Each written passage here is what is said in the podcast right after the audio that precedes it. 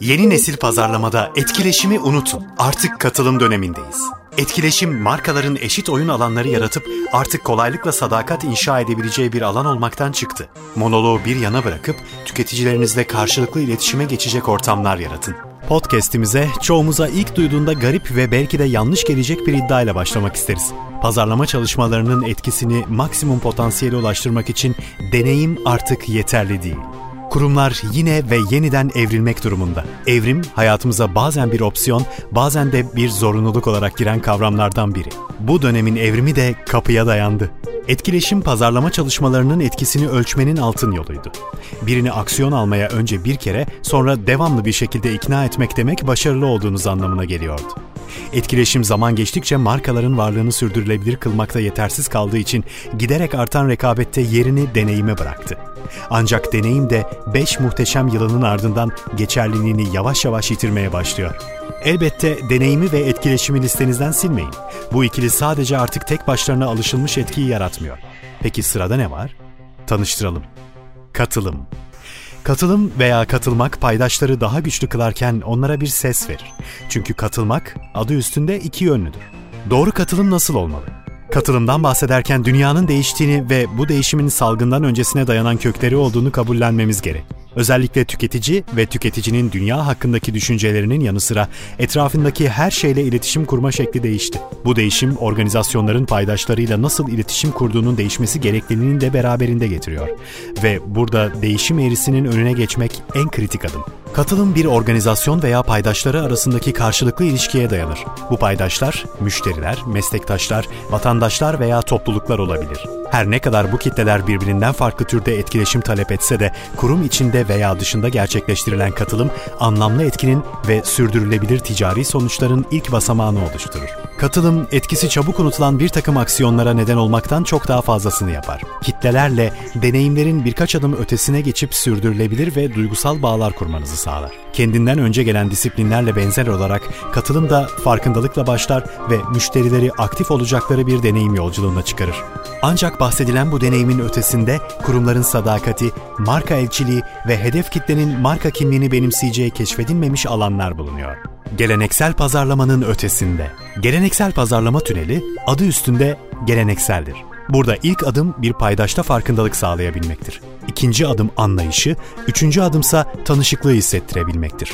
Üçüncü adımda potansiyel paydaşınız sizi sevmeye ve size karşı bir bağlılık hissetmeye başlar. Bu durum genelde son aşamanın hayata geçmesine yani paydaşınızın sizinle etkileşim kurmasına neden olur. İşte bu noktada birçok pazarlamacı işin alışveriş kısmına odaklanır ve paydaşları bulundukları o noktada tutmaya çalışır. Paydaş bir kere satın almaya başlasın ve bunun sonu hiç gelmesin. Ancak bu hal duygudan yoksun, kısa vadeli ve kolay unutulabilir bir yaklaşım olmakla kalır. Bu tür tek yönlü deneyimler paydaşları tatminsiz bırakıp değersiz hissettirir. Katılım stratejisi paydaşları bu talihsiz pozisyondan alır ve yeni bir döngüyle tanıştırır.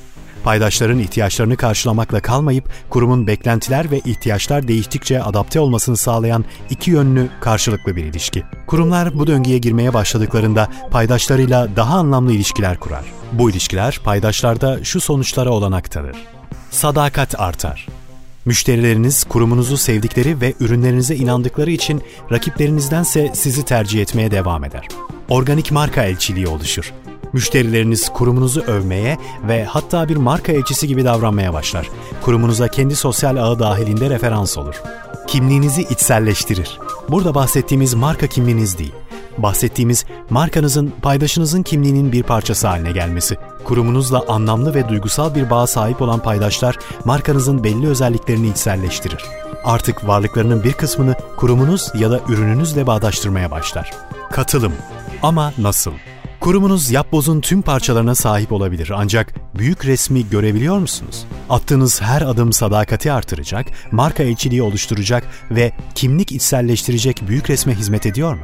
Birçok kurum medya satın almasını bir şirketten, kreatif içeriklerini diğer birinden, iş geliştirmeyi ise bir başkasından temin eder.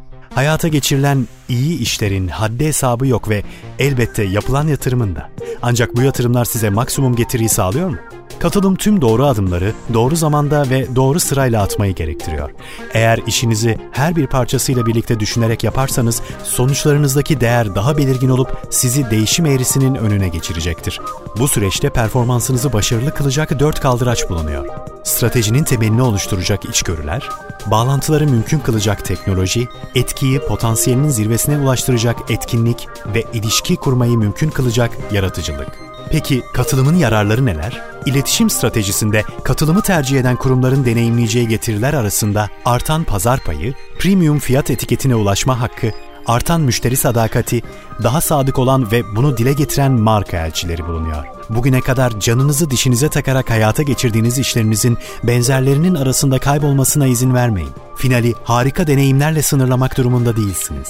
Dünya değişti ve paydaşlar artık kendilerine daha bağlantılı ve anlamlı deneyimler sunan, kendilerine bir ses veren ve iki yönlü bir ilişkinin kapılarını ardına kadar açan kurumları tercih ediyor.